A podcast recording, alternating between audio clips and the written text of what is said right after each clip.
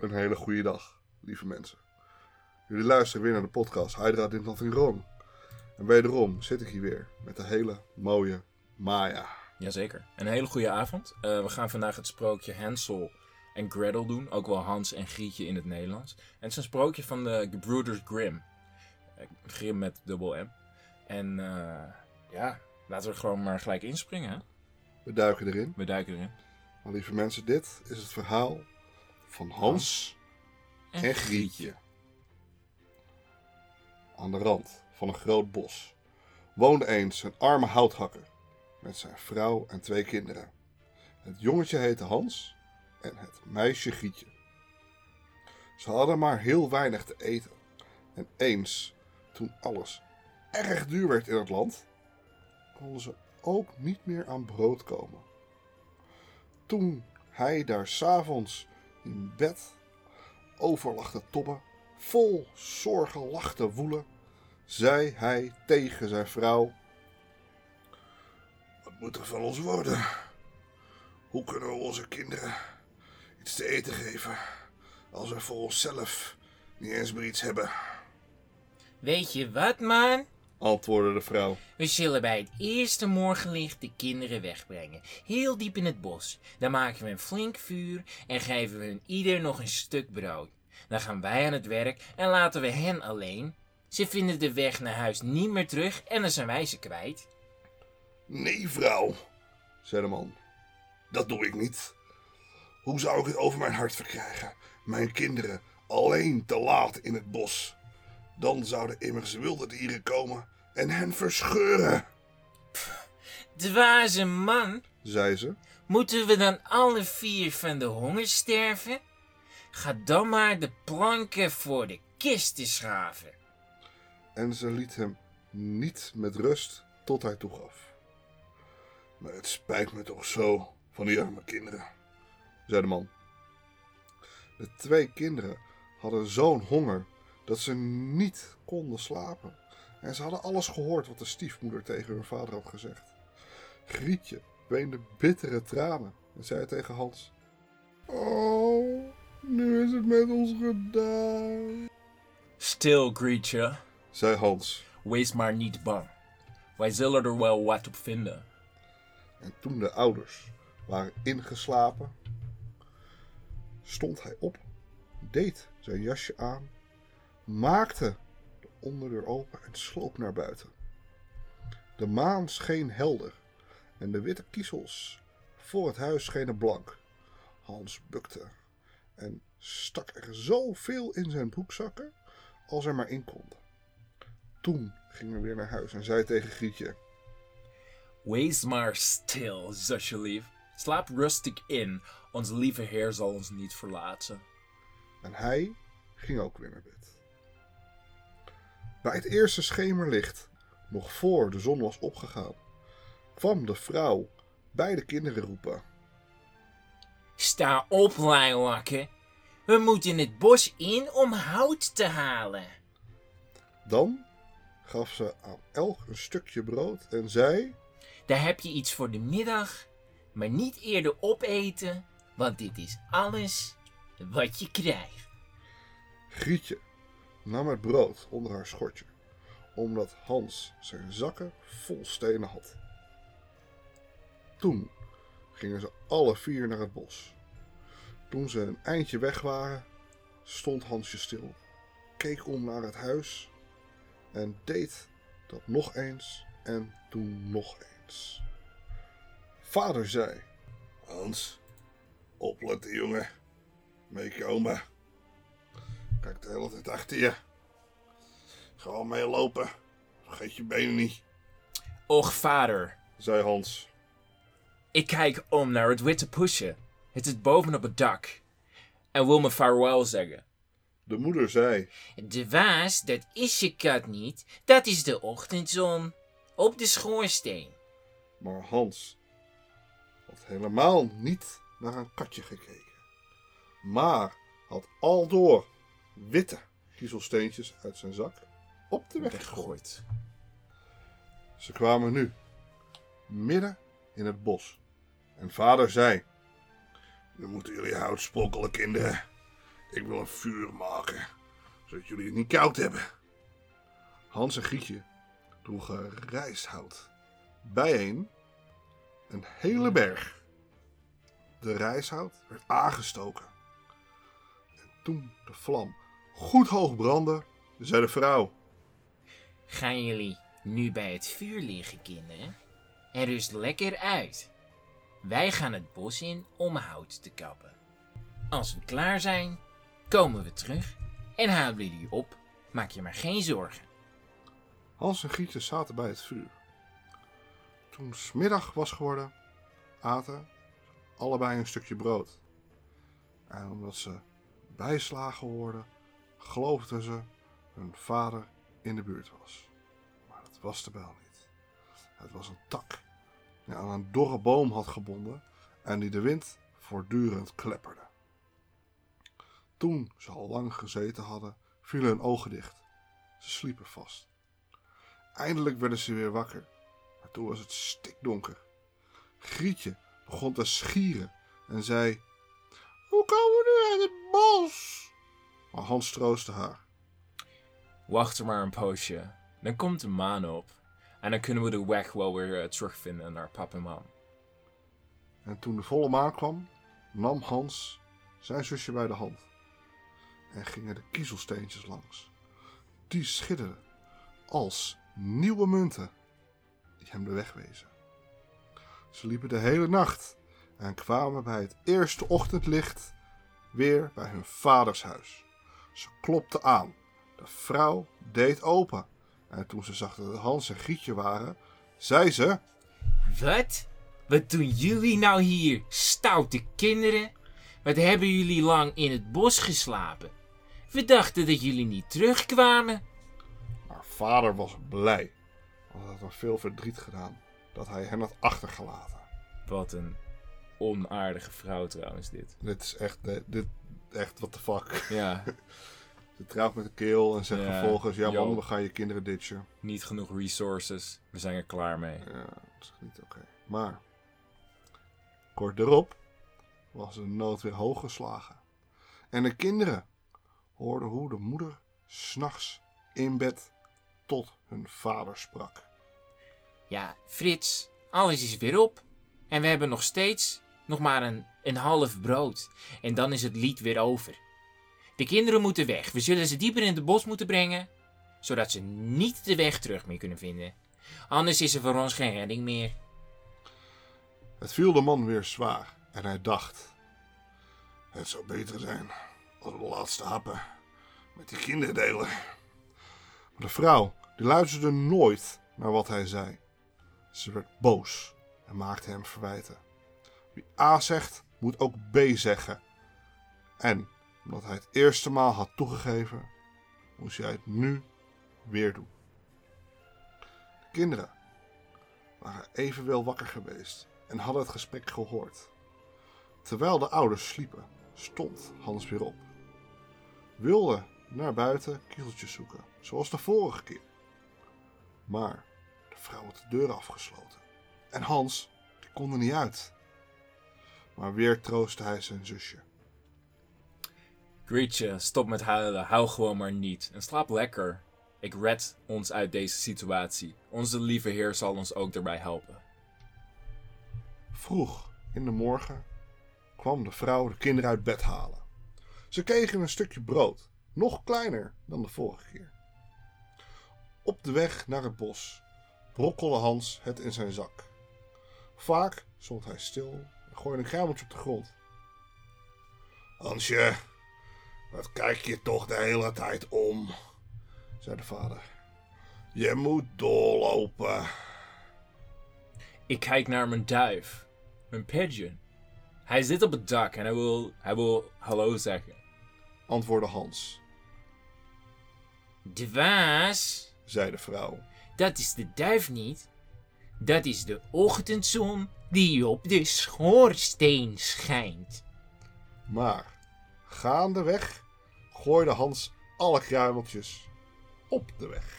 Maar wacht, hij gooide alle kruimeltjes op één plek of hij maakte zo'n kruimeltjespoor. Hij maakte zo'n spoor, zoals het hij ook Dat- met die steentjes deed. Maar nu klinkt het Dus zo, maar gaandeweg gooi de Hans. Bam! Gewoon alle kruimeltjes op de weg. Gewoon van fuck dit. Zo. Taalgebruik. Hey. Het is wel een sprookje, hè? Ja, dat is wel gebruik van taal. Hey. De vrouw.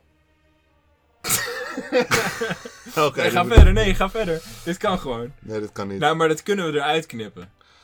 Van die lach kunnen we eruit... Oh, kut, sorry. Ga verder. Kijk, nu Nou. dit te doen en, En dit.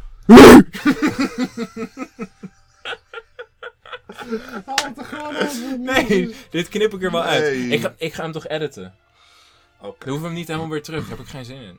Je hebt zin in? Ah, heb ik geen zin. Oké. De vrouw leidde de kinderen nog verder het bos in. Je zit wel dichterbij nu weer. hè?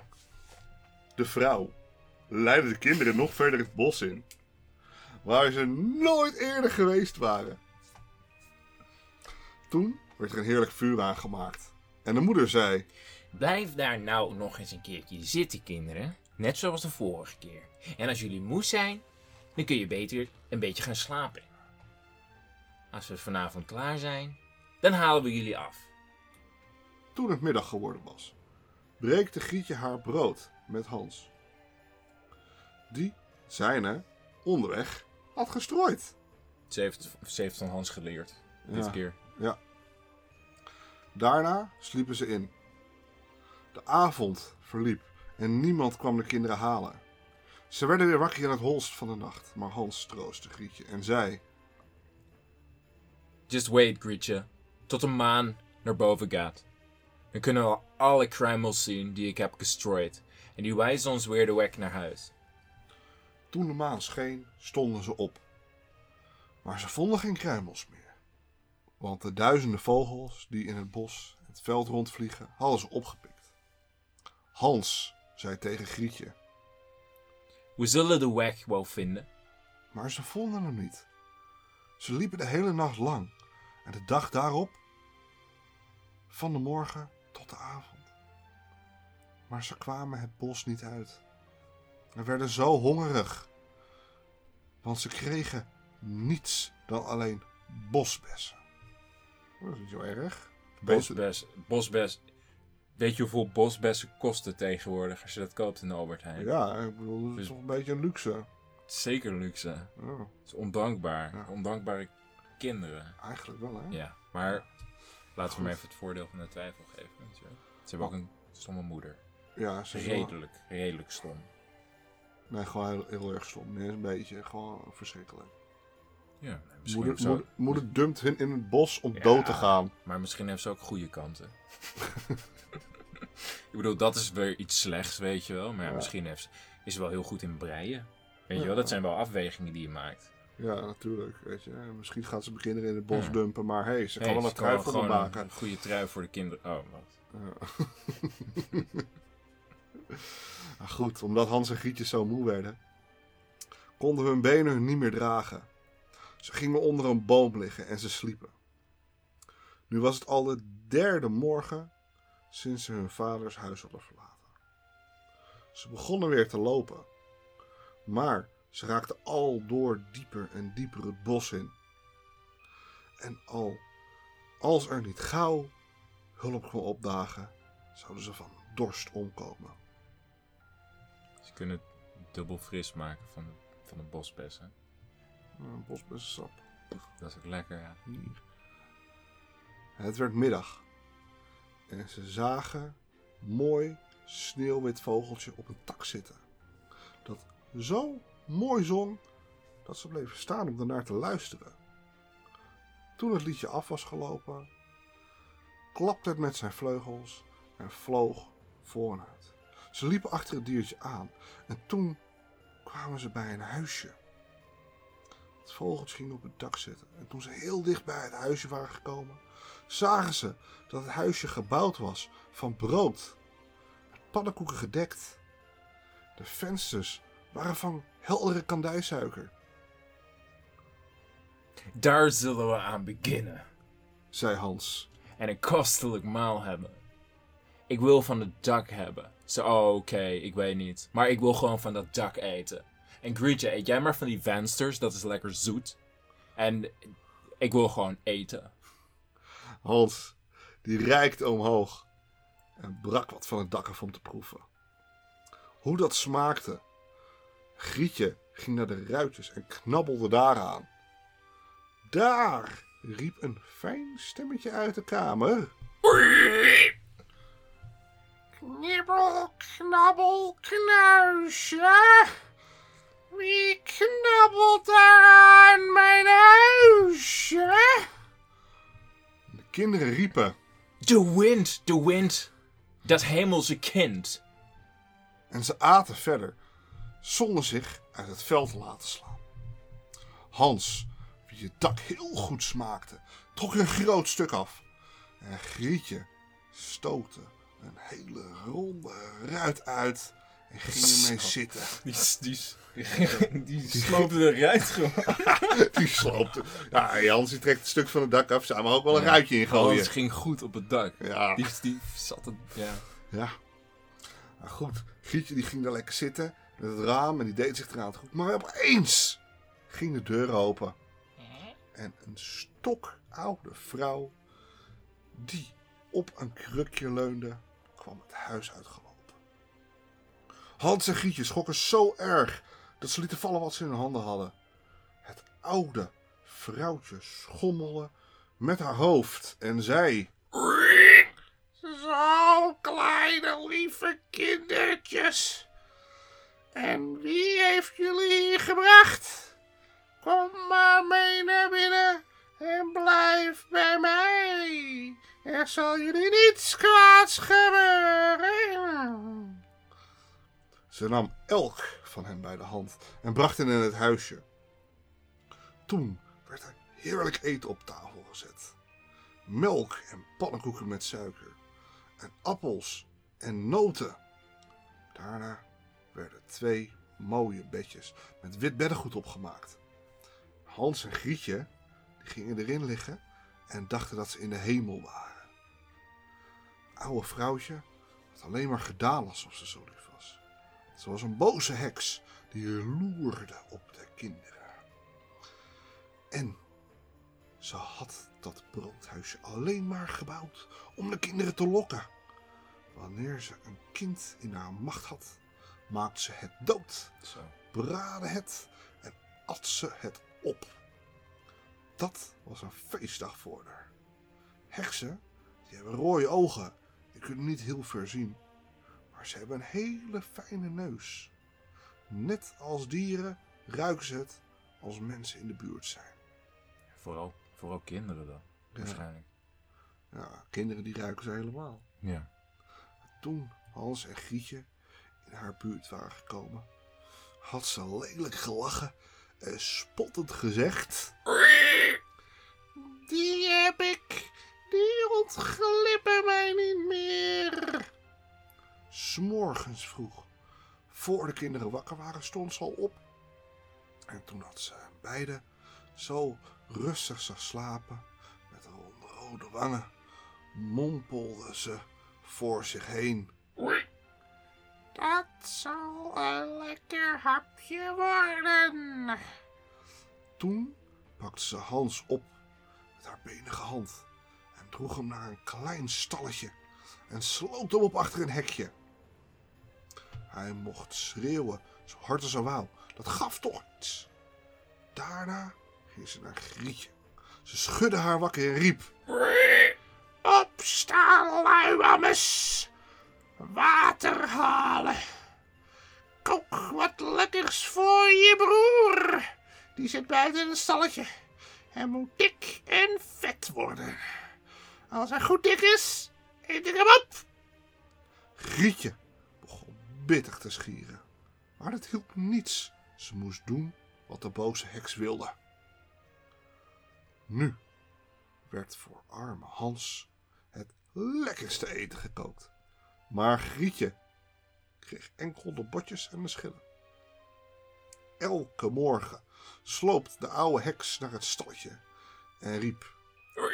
Hans, steek je vinger eens uit. Zodat ik kan voelen of je al dik wordt. Maar Hans stak alleen een splinter hout naar boven. En de heks kon het niet goed zien en dacht dat zijn vinger niet dikker werd. Toen er vier weken voorbij waren en Hans nog altijd zo mager bleef, begon ze ongeduldig te worden en wilde niet langer wachten. Hé, hey, Grietje, riep ze. Meisje toe. Wees eens flink en haal wat water voor me. Hans mag dan dik of dun zijn. Morgen slacht ik hem en kook ik hem. Oh, wat jammerde het arme zusje bij het water dragen. En wat stroomde er een traan langs haar wangen. Riep ze uit. Hadden de wilde beesten ons maar in het bos opgegeten, dan waren we toch samen gestorven. Spaar je tranen maar, zei de heks. Het geeft je toch niets. S'morgens moest Grietje vroeg op vuur maken en ketel met water erboven hangen. Eerst zullen we bakken, zei de oude vrouw. Ik heb de bakoven al gestookt en de thee gekneed. Ze duwde arme Grietje naar buiten naar het bakhuis. De vlammen al uitsloegen. Kruip erin, zei de heks. En kijk eens of het goed heet is. Of we het brood er al in kunnen schuiven. Maar wacht. Ze gaat Hans met brood... Hans op een broodje eten. Ja, broodje Hans. Lekker toch? Lekker broodje Hans. Lekker broodje Hans. hey, is het daarom ook Hans Worst? Een Ja. broodje Hans Ja. Worst. Broodje Zijn worstenvingertjes. Ja. Maar wacht. Ook nog een plot, plothole, zoals ze dat noemen. Hij stak steeds dat takje eruit. ja. Maar hij kon ook gewoon... Hij, hij was dus wel zo gulzig om alles steeds op te eten, dat dikke Ja. ventje. Ja, Natuurlijk. dat is een vatsig joh. Hij kon ook gewoon de helft opeten en de helft aan de raven geven of zo, weet je wel. Nou, Hans die is nu gewoon breder dan dat hij groot is hoor. Maar misschien kan hij er dan ook wel aan. Misschien heeft hij getraind juist. Nee, Nee? nee, hij is gewoon Oké. rond. Nou, oké. Dat is wel... wil ik eh, Ja, nee. Ja.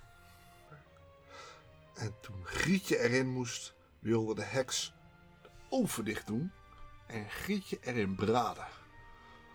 Want die wilde ze ook opeten. Maar Grietje, die begreep wat het plan was en zei... Ik weet niet hoe ik dat doen moet.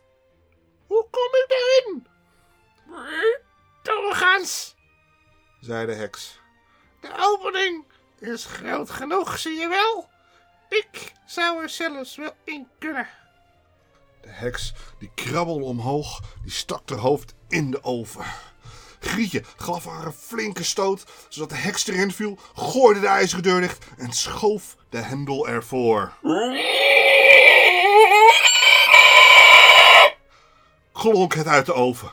Het was gruwelijk, maar Grietje rende hard weg. Ik heb de godloze heks ellendig vermoord. Maar Grietje liep recht toe recht aan naar Hans, maakte het stalletje open en riep: Hans, we zijn verlost! De oude heks is dood! Toen sprong Hans eruit, als een vogel uit zijn kooi, zodra ze voor hem de deur had geopend. Wat waren ze blij! Wat waren ze elkaar om de hals gevallen! Waren ze met elkaar rondgesprongen en kusten ze elkaar! En nu ze nergens meer bang voor hoefden te zijn, gingen ze het huis van de heks binnen. Daar stonden alle hoeken en kasten vol met parels en edelstenen. Dat is veel beter dan kiezels.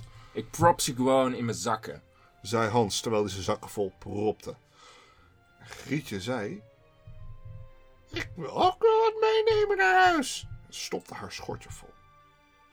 Maar, Gietje, we moeten nu echt weg. Zei Hans: Ik wil dat heksenbos. Ik wil er, ik wil er weg. Ik wil weg hier. Toen ze een paar uur gelopen hadden, kwamen ze bij een groot meer, Daar kunnen we niet overheen. zei Hans. Ik zie geen Wag en ik zie geen Brook. Er is ook geen bootje, zei Grietje. Maar er zwemt daar een witte eend. Als ik het aan die vraag, brengt hij ons misschien wel naar de overkant. En ze riep: Eentje, eentje, hier zijn Hans en Grietje. Er is geen weg, ook geen bruggetje. Neem ons op je witte ruggetje. Het eendje kwam aangezwommen. En Hans ging op hem zitten en vroeg zijn zusje erbij te zitten. Nee, antwoordde Grietje. Dat is hem veel te zwaar. Hij moet ons naar elkaar overbrengen. Dat deed de eend. En toen ze gelukkig over waren gestoken en een poosje vooruit liepen, kwam het bos nog steeds bekender voor. En ze zagen in de verte hun vaders huis. Toen zetten ze het op een lopen, stortten de kamer binnen en vielen hun vader om de hals. De houthakker die had geen moment geluk meer gehad nadat hij zijn kinderen in het bos had achtergelaten. Zijn vrouw was in de tussentijd ook nog eens gestorven. Grietje die schudde haar schortje uit, zodat de parels en edelstenen allemaal door de kamer heen rolden. En Hans die wierp een handjevol na handjevol erbij. Die had zakken vol met edelstenen in zijn broek zitten natuurlijk. Toen er een eind al hun zorgen was gekomen, leefden ze vol blijdschap samen. En nog lang. En gelukkig. En dat was. Het verhaal van Hans en Grietje. En dit was het verhaal van Hans en Grietje. Jazeker. Ik heb ervan genoten. Eh, welk cijfer geef je deze podcast? Zoals we altijd doen. Zoals we, al, Ja. zoals we altijd één keer eerder hebben gedaan tot nu Ja. toe. Ehm, zeker wel een, eh, een, een, eh, een eend uit de zes. Een 1 uit de 6. Oké. Een eend uit de zes. Een witte eend uit de zes. Oké, Die eh, ons over de vijver heen gaat brengen. nice. Ik geef de podcast een eh 7,5. Nee, een 7,5 geef ik hem. Ja. Oké. Ja. Ja, dat is eh, mooi. Ja, en heb je voor de rest nog eh, iets moois toe te voegen? Oké, nou top. Dan eh, wensen we jullie allemaal een hele fijne, mooie dag en mooie week. En tot de volgende keer. Tot de volgende podcast. Tot ziens.